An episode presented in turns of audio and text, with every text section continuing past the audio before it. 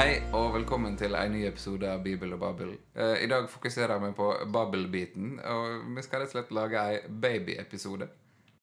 Så i studio så har vi meg, Per Kristian Sætre, og så har vi Linn Sæbø Rystad. Og så har vi invitert uh, en gjest, uh, og gikk ikke så langt. To, vi tok med oss menighetspedagogen fra menigheten der jeg bor, i Østenstad i Asker, nemlig Elin Ovland. Velkommen. Takk. Em, og vi skal snakke om, eh, og vi skal snakke om babyer i dag.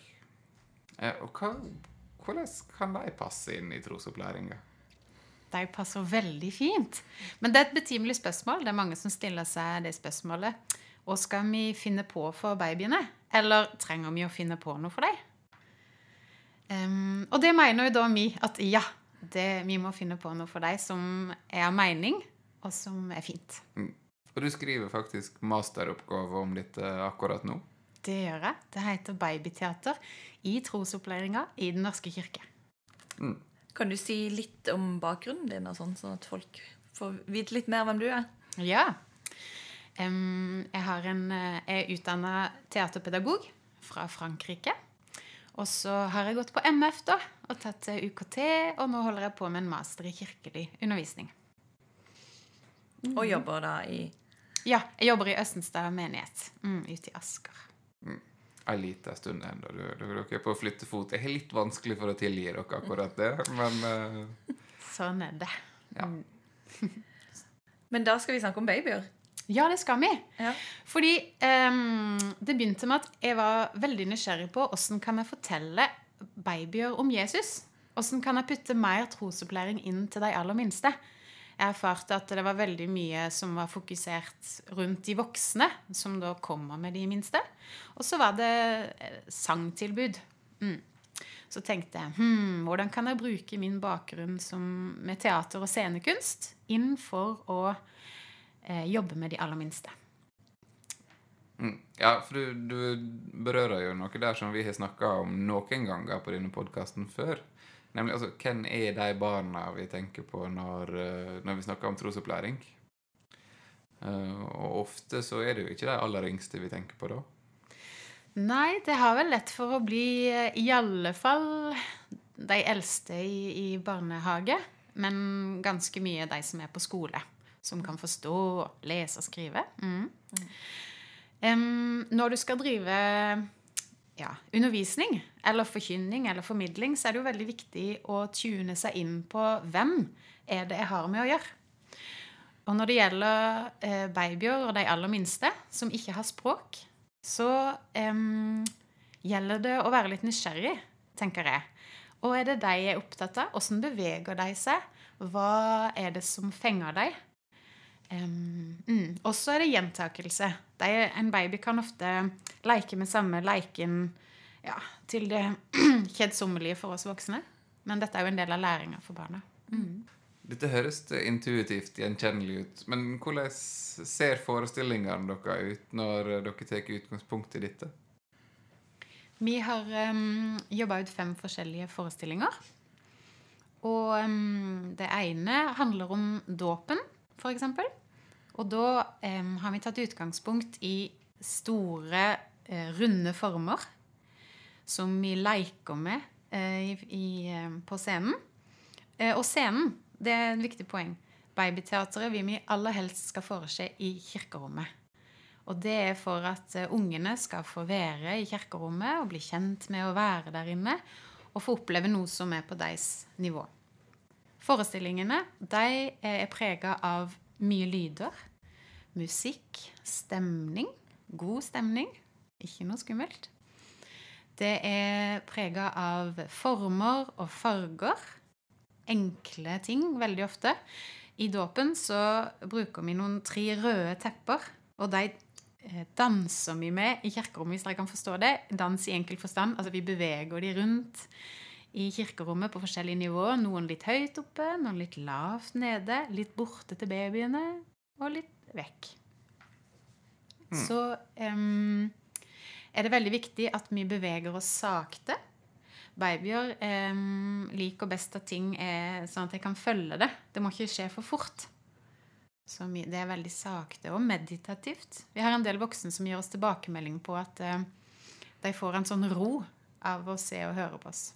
Musikken og bevegelsen og fargene gir en sånn en ro i rommet. Mm, det kan jeg for så vidt skrive under på.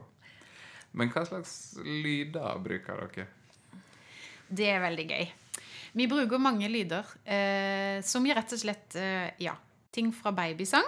Denne rasla som de fleste på babysang har. Og det er fordi at eh, de som da går på babysang, skal kunne gjenkjenne de lydene. Mm. Og så eh, bruker vi lyder som eh, Som vi finner rett og slett ved å slå på en ting, eller ved å riste på en ting, eller ved å stryke på en ting. Eh, Så det kan bety at vi kan bruke egentlig hva som helst som kan gi en lyd som vi syns kan være spennende. Fordi de aller minste, de fanger vi inn, altså oppmerksomheten deres fanger vi inn ved å lage en lyd. Og så har vi noen instrumenter som vi har anskaffa oss, som lager litt stemning. Og den her er ganske fin, syns jeg.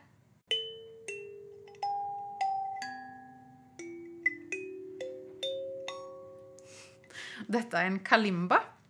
Og et slags sånn eh, pling-plong-instrument, sier min. Som lager litt stemning. Ja. Men kan du ikke si litt mer om det med å fange barna inn med disse lydene? Fange oppmerksomheten deres inn med lydene? Ja. Eh, De eh, ofte mm, De minste barna har veldig ofte kort eh, konsentrasjonsevne. Og dermed så er det om å gjøre å lage noen nye lyder jevnlig som fanger deg inn på det som skjer. Samtidig som det må ikke være hele tida, for det blir for intenst for deg. Mm. Så noen ting må være sånn gjentagende som denne her kalimbaen. Og andre ting kan komme litt mer sånn overraskende. Og vi er, teaterne våre er veldig prega av um, nysgjerrighet. Det heter jo 'oi, se'. Og det er fordi at vi skal sammen, vi skuespillere eller voksne, skal sammen med babyene oppdage noe eller utforske noe eller undre oss over noe. Og da er denne her rasla den er helt genial. Når den kommer, så er det gjengående i alle teaterne våre at «Åh!» da tar vi voksne hendene opp mot munnen, og så ser vi spørrende på barna. Hva skjer nå? Se! Ja. Så vi bruker lyden sammen med det fysiske uttrykket. Altså hva, hva vi voksne gjør, og hva de tinga vi bruker, er for noe. Og så sa du at dere hadde fem forestillinger, og så for, sa du dåpen. Men hva er de fire andre? De fire andre er mm, Skapelsen. Oi, se Gud skaper. Og så har vi eh, en forestilling som vi lagde for de litt større, for femåringene. Og den heter eh, Jula varer helt til påske. For å sette sammen de to høytidene. Og så har vi en forestilling som heter Lille frø. Og den er ganske fin. Den varer bare i 7 15 minutt. Jeg har brukt som en preken. Og det er rett og slett lignelsen om det lille sennepsfrøet som vokser og blir et stort tre, hvor fuglene kommer og finner rede. Og så den eh, siste forestillingen, det er, mm, den heter bare Oi se. Og det var den aller første. Hvor vi, eh, det, det er en litt annen type Den er ikke så meditativ som de fire andre. Den er mer klovnaktig. Hvor vi skuespillerne vi er to stykk, som er to eh, forvokste babyer. Som leker med ting og oppdager ting og krasjer i hverandre. og er Litt mer sånn klovnaktige. En ting som slår meg, er at dere jobber så bevisst med å holde oppmerksomheten til barna. Eh, er det forskjellig når en, eller er det sammenlignbart med det en gjør når en jobber med babyer, da? Eller når en snakker formidler til eldre barn? Ja, det er det jo. Men eh, babyer har mye kortere oppmerksomhetstid, vil jeg si, enn de litt eldre.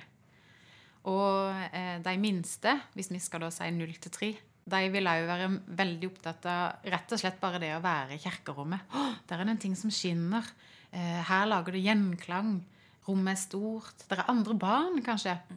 Så en har en liten sånn ekstra utfordring med å Du kan ikke bare si til babyene 'Hei, hør, se her'. Du må, du må liksom lage Hjelpe dem.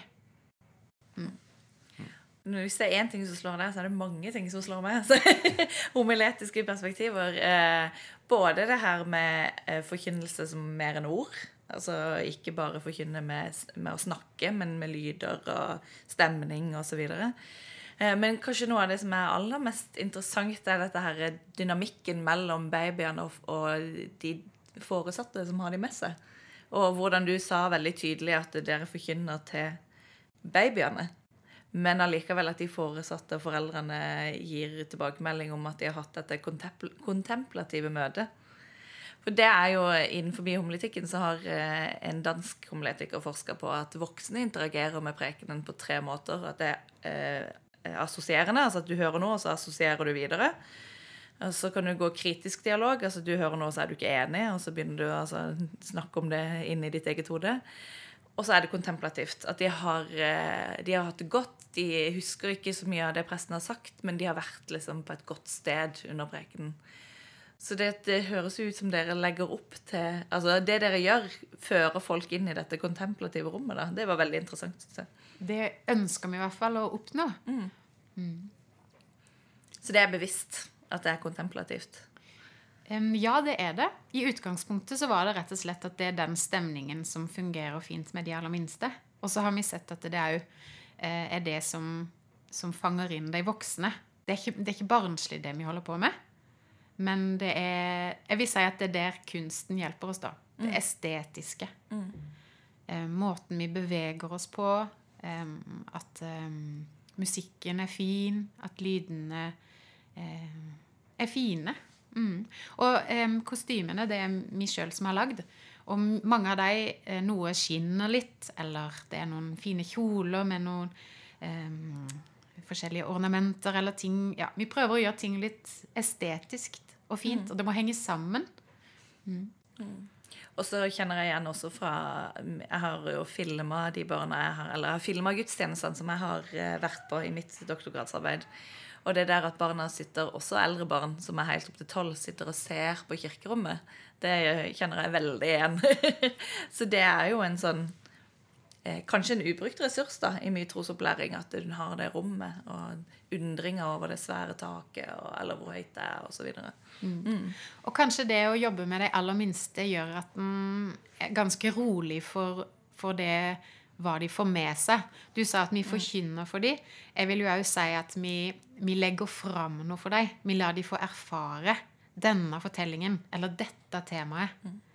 Og så er det på en måte opp til deg som er da publikum, til å ta imot og til å ja, erfare det i det rommet, og med de kroppene, og med de de, de er.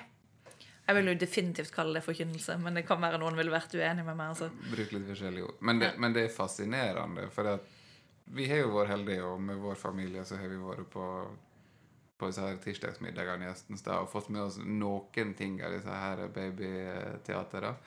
Og, og da kommer jo vi der to voksne, og vi har med oss en sjuåring og en femåring, og merker at det taler til oss alle på litt forskjellige nivå.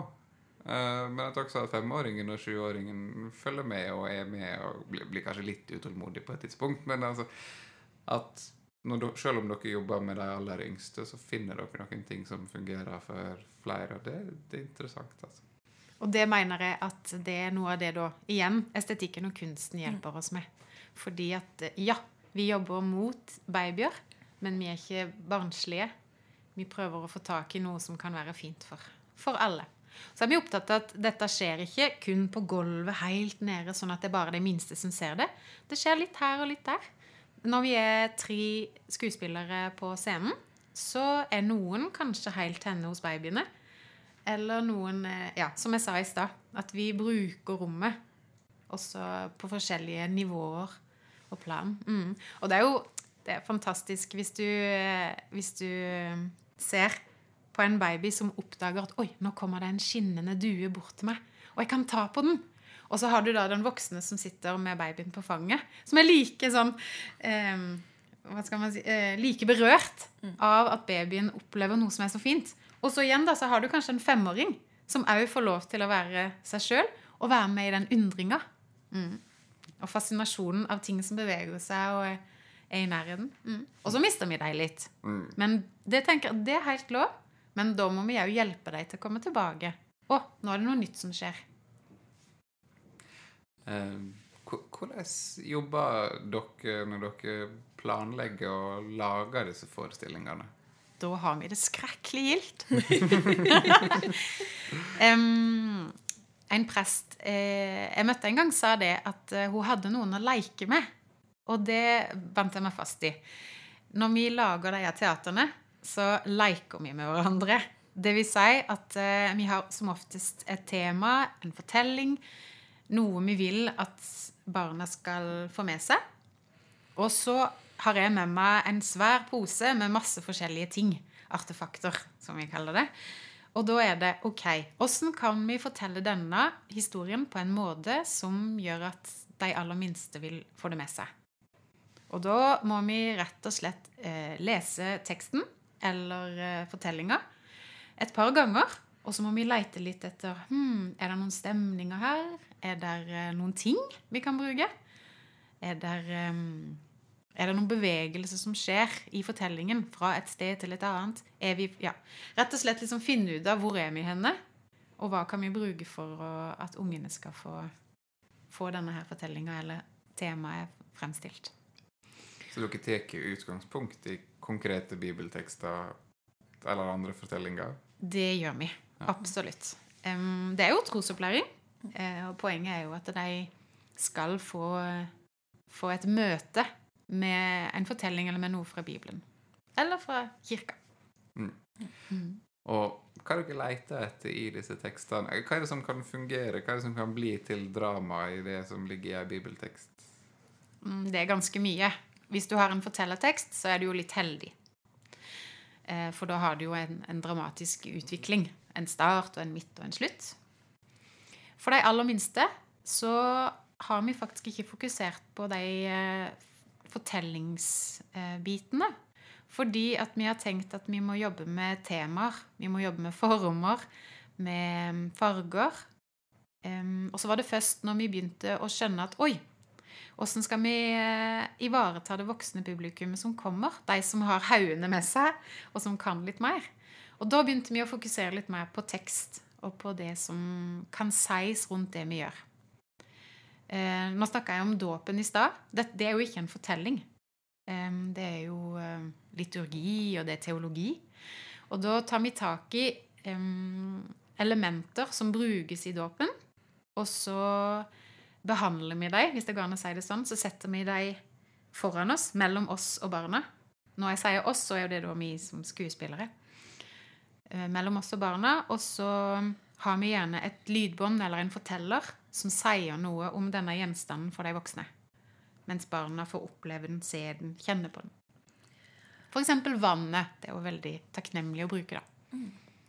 Så det høres ut som den leter etter eh, konkrete fysiske ting? Det gjør vi. Mm. Mm. Det er jo um, ganske vanlig at når man skal forkynne eller eh, snakke med barn om et tema, så bruker man gjenstander. Og for babyer er jo dette ekstra viktig. Det er jo sånn de erfarer verden. Ved å få se, ta på, kjenne på. Mm.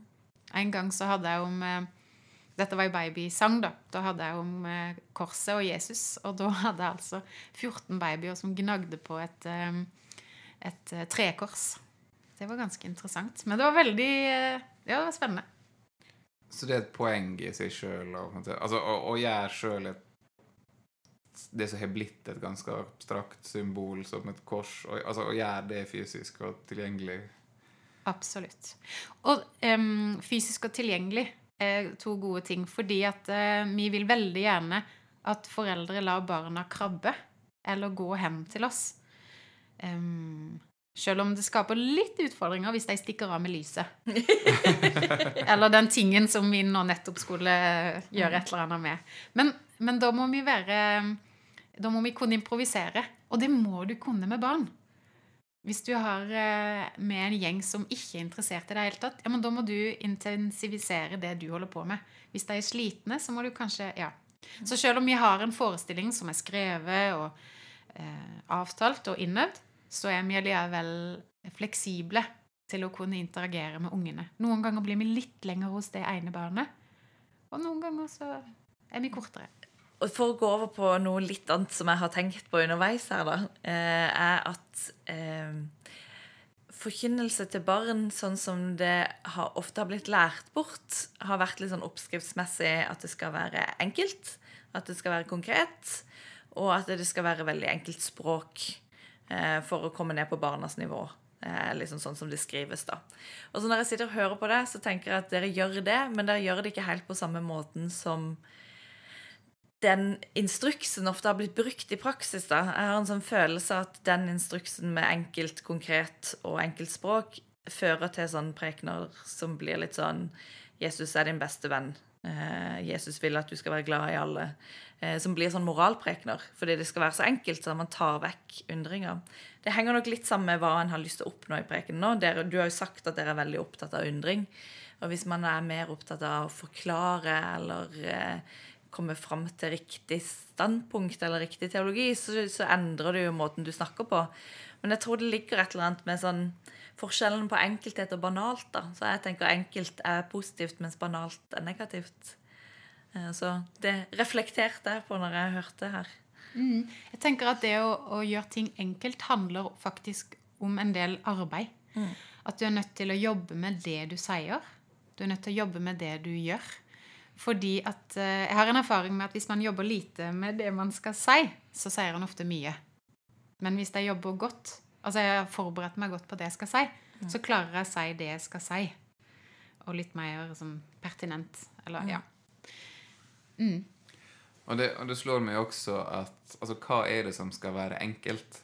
For altså Ofte i forkynnelsen, sånn som Linn sine eksempel her, er jo at det er, er enkle forklaringer.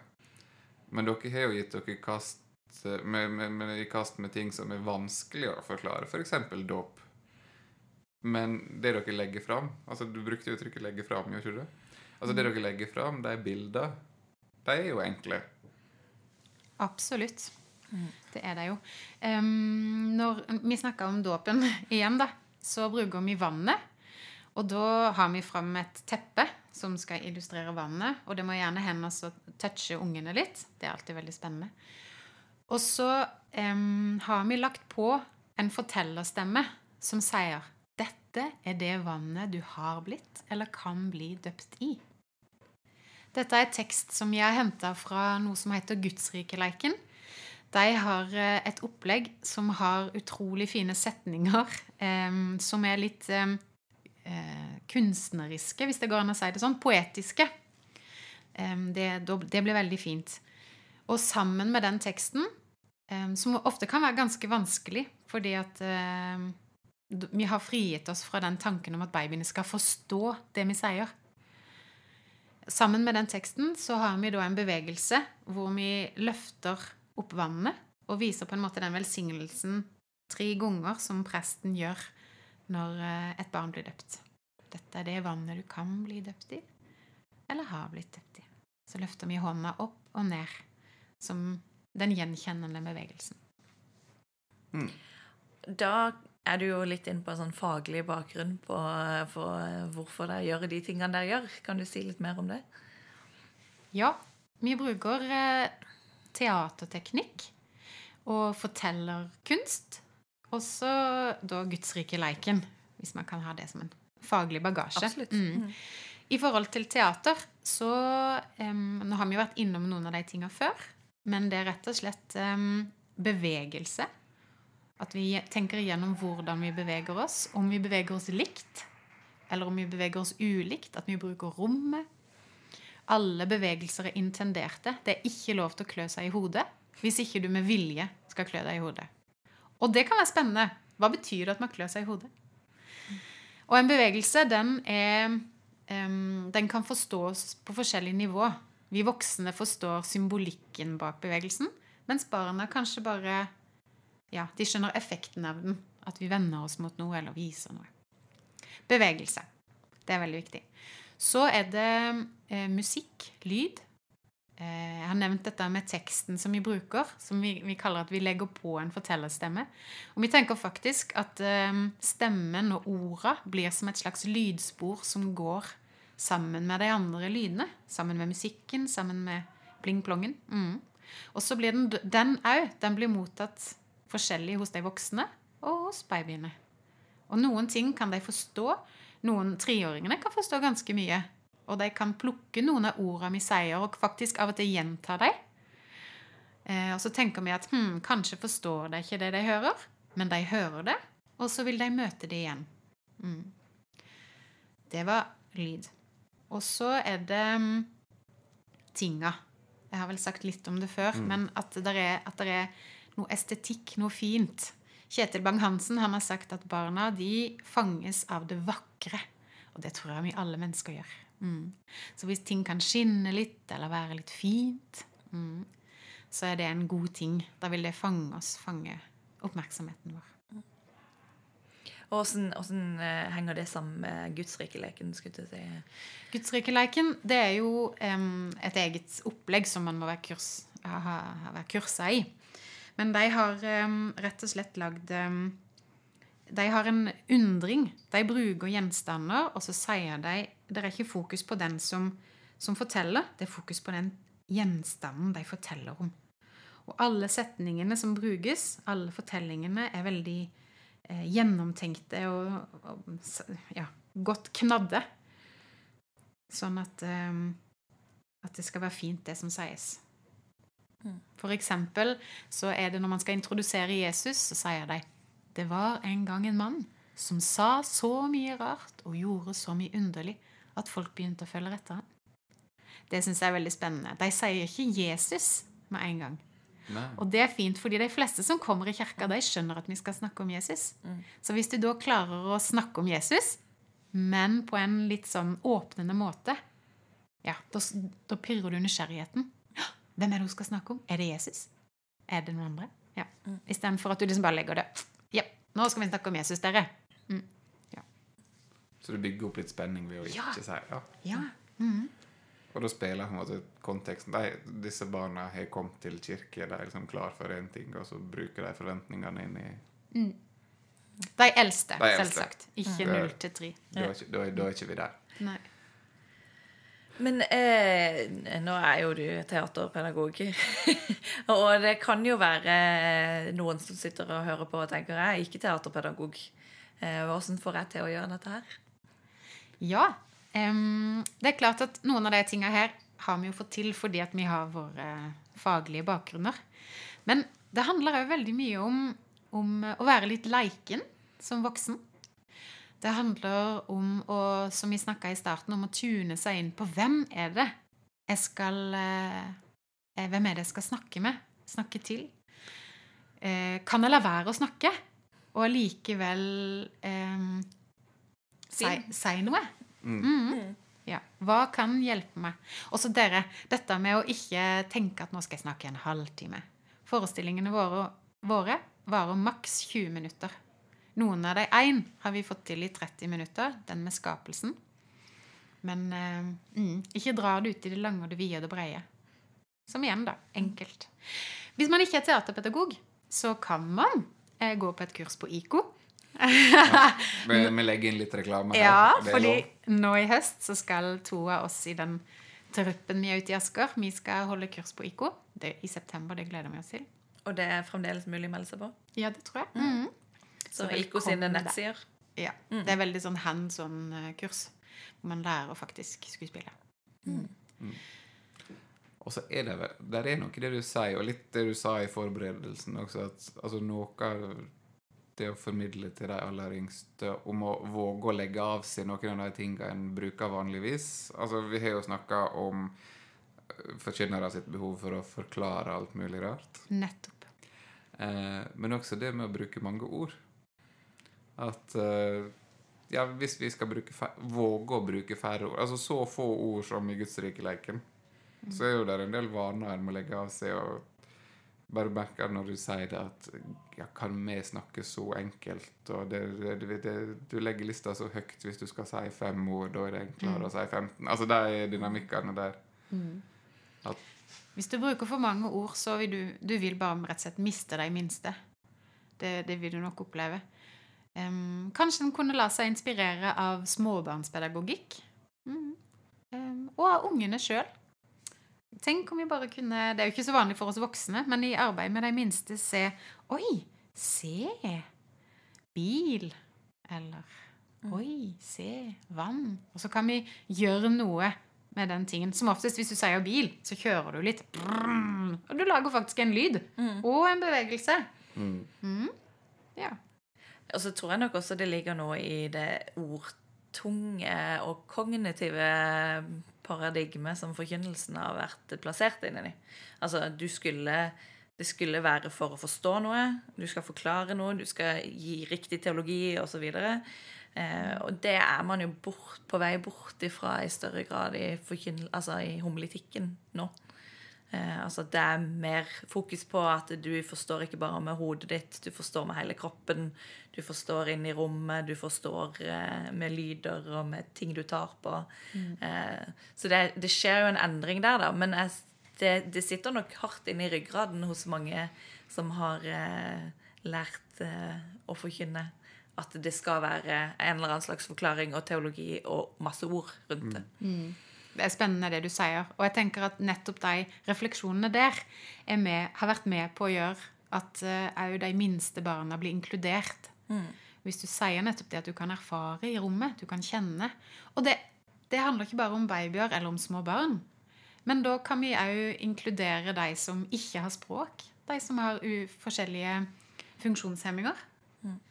Jo, I dag er det jo helt vanlig å si at de kan òg erfare, de kan òg lære. De går til konfirmasjonsundervisning og får spesialundervisning. Mm. Men uh, mm. Det åpner opp, da. Ja. Mm. Og jeg tenker at det sier noe om hva dette trosopplæringsmålet om å bli kjent med. At det er et mål i seg sjøl. At det ikke alt som må forklares på den måten, men at det å bli kjent med Og at de åpner for å bruke ganske, egentlig ganske avanserte tekster. Sånn som dere bruker mm. lignelsen om sennepskornet i babyteater. Mm. Det er fascinerende, for den, den, er, den, er, jo ikke spesielt tilgjengelig, på en måte, men bildet fins der, og det går an å bruke den. Absolutt. Eh. Og så er vi opptatt av at um, teaterne det er én ting. Men vi er jo opptatt av å ta imot barnet eller publikummet eh, der de er. Så når vi har forestillinger, så sitter vi på gulvet for de som kan gå, og så sier vi hei til barnet først. Mm. Eller hvis vi har eh, foreldre som kom, eller foresatte som kommer med barn på armen, så sier vi hei til barnet først. Mm. For å inkludere det deg i det. For det er jo veldig ofte at vi voksne liksom, vi, vi tenker på voksent vis. Mm. Men Når du sier 'Hei, barn. Du er velkommen inn hit. Er du klar for det som du skal nå være med på?' Var ikke det et fint sted å slutte, eller? Tusen takk for at du kom. Takk for at du takk kom, for at jeg fikk komme.